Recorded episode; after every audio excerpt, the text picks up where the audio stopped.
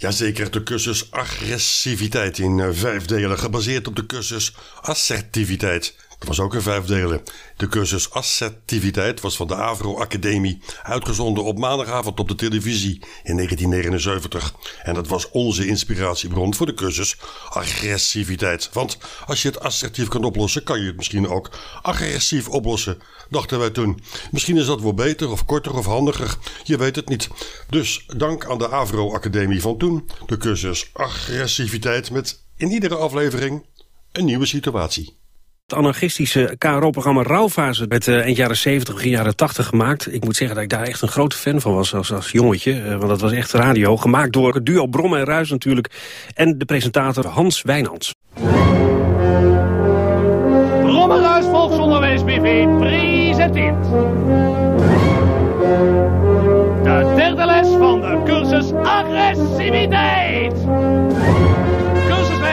Ruis, cursus Tom Brom, techniek Rien Rotsfeer. Vandaag beter een kwaaie muur dan een verre vijand. Goedenavond. Dit is dan weer jullie cursusleider Jan Ruis. Ja, wel opletten in de huiskamer, hè? Vandaag gaan we het hebben over de voordelen van het hebben van een vijand. Eerst een voorbeeldje. Tom Brom geeft een feest en daar gaat de bel.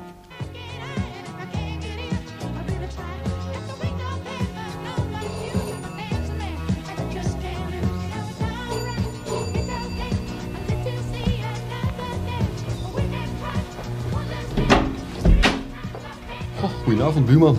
Dag, uh, U loopt al in uw pyjama. Ja, kamerjas aan. Uh, ja, het is een beetje vervelend. Ik uh, hoorde dat uh, jullie een feestje hebben, maar morgen vroegdienst zou het met een kwartiertje misschien een beetje kalmer aan doen. Want ik moet om vijf uur uh, Nesthuis, begrijp je wel. Ja, sorry. Joop, ja. sorry dat je dat lastig... Ja.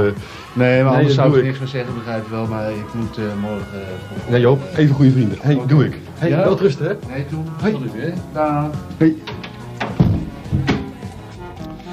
Ja, Tom is er weer eens ingetrapt. Het zal best wel zo zijn dat zijn buurman nu fris naar zijn werk gaat. Maar het feest van Tom is naar de knoppen. Geen muziek. Zelfs het eten van zoutjes hoe je tegenwoordig door de muren heen. Maar men is te bang. Zo'n situatie lost Tom nu op met een dosis verbale agressie.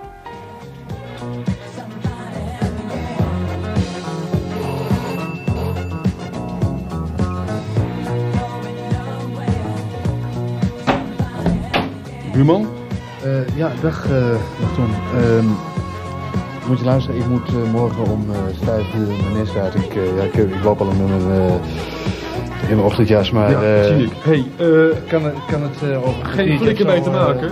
Het is verdomme je eigen schuld dat je hier naast me komen wonen. Ik bedoel, dat zijn jouw problemen. Je ziet wel dat je in slaap komt, stop maar watjes in je oren. Ik morgen om vijf uur hey, mijn nest uit. Ik heb hier een feestje, zo de niet erop. Je kijkt de kleren maar.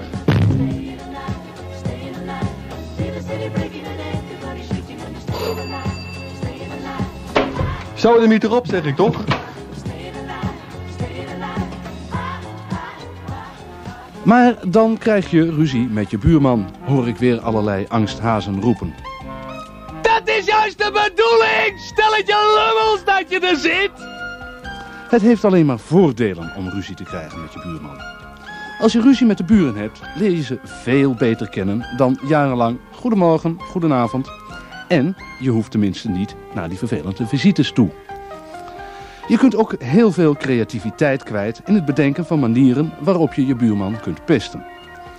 En je hebt iemand vlak naast de deur die je altijd overal de schuld van geven kunt. En dan zijn er natuurlijk weer van die vaatdoeken die last krijgen van hun geweten.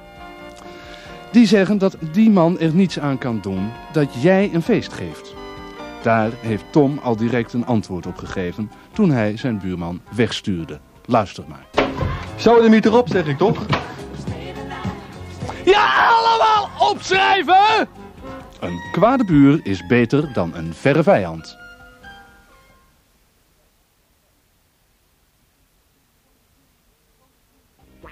Van je vrienden moet je het maar hebben, zegt het spreekwoord. Lulkoek! Want wat heb je nou in godsnaam aan vrienden? Als je ze nodig hebt, zijn ze er toch niet. Bovendien, je ziet altijd dingen door de vingers waar je je bij een ander verschrikkelijk over opwindt. En dat alleen maar omdat het een vriend is! Laten we eens een heel gewoon voorbeeldje nemen. Hé, hey, uh, neem even een sigaret van je. Ja, er zitten anders nog maar twee in hoor. Uh, ja, dat is wel het laatste. Hè? Nou, je hoort het. Je hebt nog maar twee sigaretten. En die wil je zelf houden. Hoe los je dat op? Heel eenvoudig met het zogenaamde zuigen. Hé hey Jan, uh, neem even een sigaret van je. Als je het niet erg vindt. Uh, dat zou ik me niet doen, joh. En je wordt niet zo lullig? Nou, ik zou maar geen sigaretje pakken, want... Uh, daar krijg je kanker van. Hè? Gaan we zo beginnen? Hoezo gaan we zo beginnen? Heb je zelf geen uh, inkomen om even kankerstokken van te kopen? Ik, bedoel, ik heb geen zin om op mijn geweten te hebben dat jij straks met kanker in bed ligt. Ja, en nou. er misschien wel dood aan gaat. Nee, laat maar rustig liggen, die, dat pakkie. Die heb ik dus hoogstpersoonlijk zelf gekocht. Begrijp je wel? Ah, vrienden onder elkaar, ik heb er wel sigaret vrienden, vrienden onder elkaar, uh, dat maak jij ervan. Mijn vrienden kies ik zelf uit. En dat zijn er niet zoveel. Jezus, serieus. En zeker niet als ze sigaretten bieden. Te beroerd zijn om uh, okay, zelf wat weg te Ik hoef wel van sigaretten meer op. Nee, dat zeg ik. Dat is veel beter voor je gezondheid. Die rook ja. ik wel op. Dan ga ik... Heb je misschien, kanker. Uh, nou, die tekst die had ik al eerder dan jij dus. De voordelen zijn duidelijk. A. Je houdt je sigaretten voor jezelf. B. Je hebt tenminste iets om over te praten. En C. Die vriend kan je nooit verwijten dat hij later toch kanker heeft gekregen. Schrijf op in je cursusschriftje. Van je vrienden moet je het maar hebben. Maar to have an enemy is fun.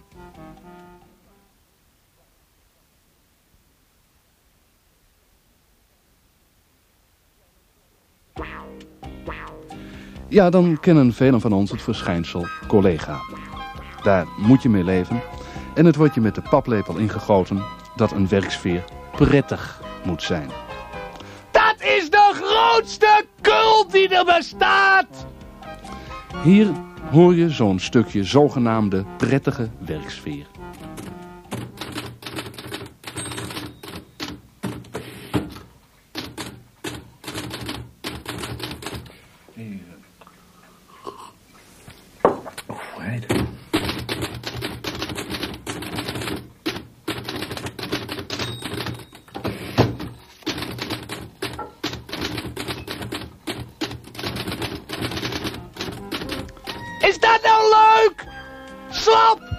Zouteloos, vervelend, dat is het!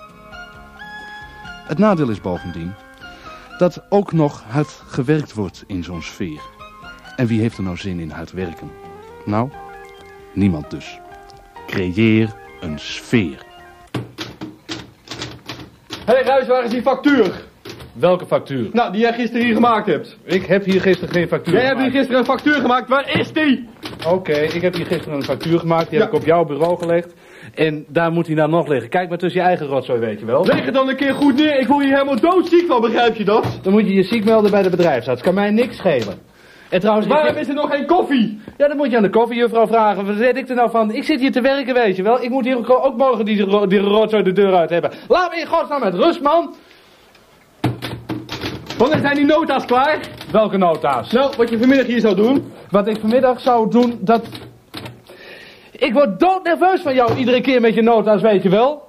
En ik krijg zo geen letter fatsoenlijk op papier. Heb ik weer drie typfouten gemaakt omdat jij achter me staat? kan me geen moer schelen. Ja, jouw moer kan mij ook niet schelen. Ik ga naar huis. Kijk het maar. Doe maar. Dit is duidelijk. Beter een rotte sfeer dan helemaal geen sfeer. En het heeft nog veel meer voordelen, zo'n duidelijk voelbare rotte sfeer. Om te beginnen is het verloop onder je collega's veel groter, dus je ziet nog eens nieuwe gezichten. Je hebt altijd een reden bij de hand om voor langere tijd overspannen ziek te worden. Het wordt in een rotte sfeer veel makkelijker om over de rug van je collega's promoties te maken. En je kunt zonder enig gewetensbezwaar op het personeelsfeest de vriendinnen van je collega's versieren, want ze hebben toch al de pest aan je. En... Zit niet te suffen daar aan die radio! Schrijf op! Met een rotte sfeer bereik je meer.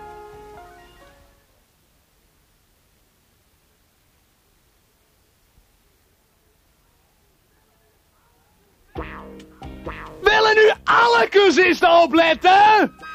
Het is mij en ook Tom Brom gebleken dat er een aantal cursisten van twee walletjes eten. Op de woensdag trouw naar het Brommerhuis volksonderwijs luisteren. Maar wel stiekem op maandag naar die klote Afro-academie kijken. Met een idee, baat het niet, dan schaadt het ook niet. Halsen, beurnazen dat jullie zijn. Maar goed, wij zijn ook de beroerdste niet. In het volgende voorbeeld laten we horen dat die zogenaamde assertiviteit niets, maar dan ook helemaal niets oplevert.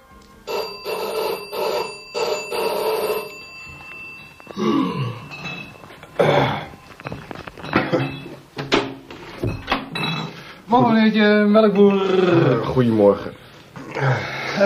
Hé meneer, ik Wat heb, mag het eh, wezen? Ik heb eh, liever niet dat u eh, zo eh, belt hoor. Dat moet Oh, ik ben al jaren zo. Ja. Ja, moet je maar, ah, wennen ze vanzelf aan, denk ik altijd maar. Als je Eh, wat mag het wezen? Ik heb eh, trouwens eh, lekkere Bessola in de aanbieding. Twee melk. Twee melk. Oké. Eh, ik schrijf het wel op. eh, Meneer, als je voortaan niet meer zo wil bellen, Meneertje. heel graag. Hier reageert Tom dus als een natte krant. Sub-assertief schijnt dat te heten. Keul, hij ge- reageert gewoon helemaal niet. De kwast. Maar hier had die Avro-cursus wel op gerekend. Nou, Tom dat dus uitproberen.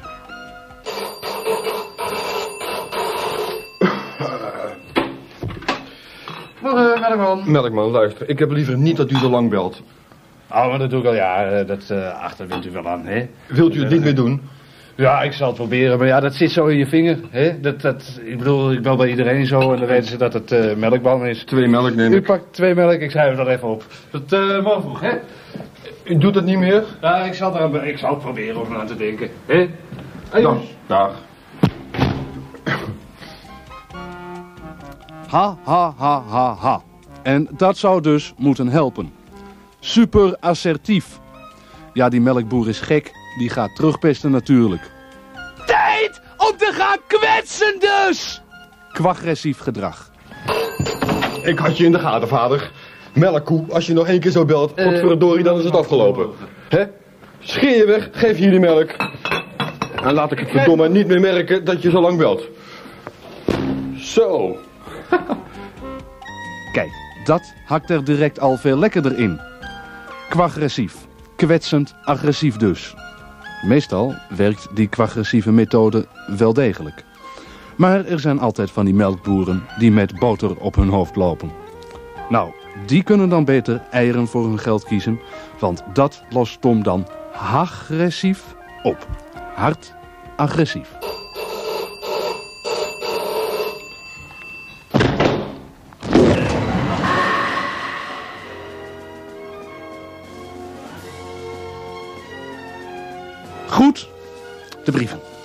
Ik heb vorige week een vraag beantwoord.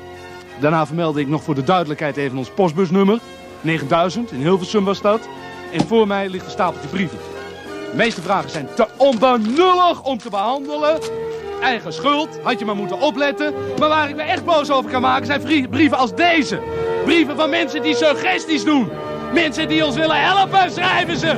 Ja, dat kennen we. Daar zitten we dus niet op te wachten, hè?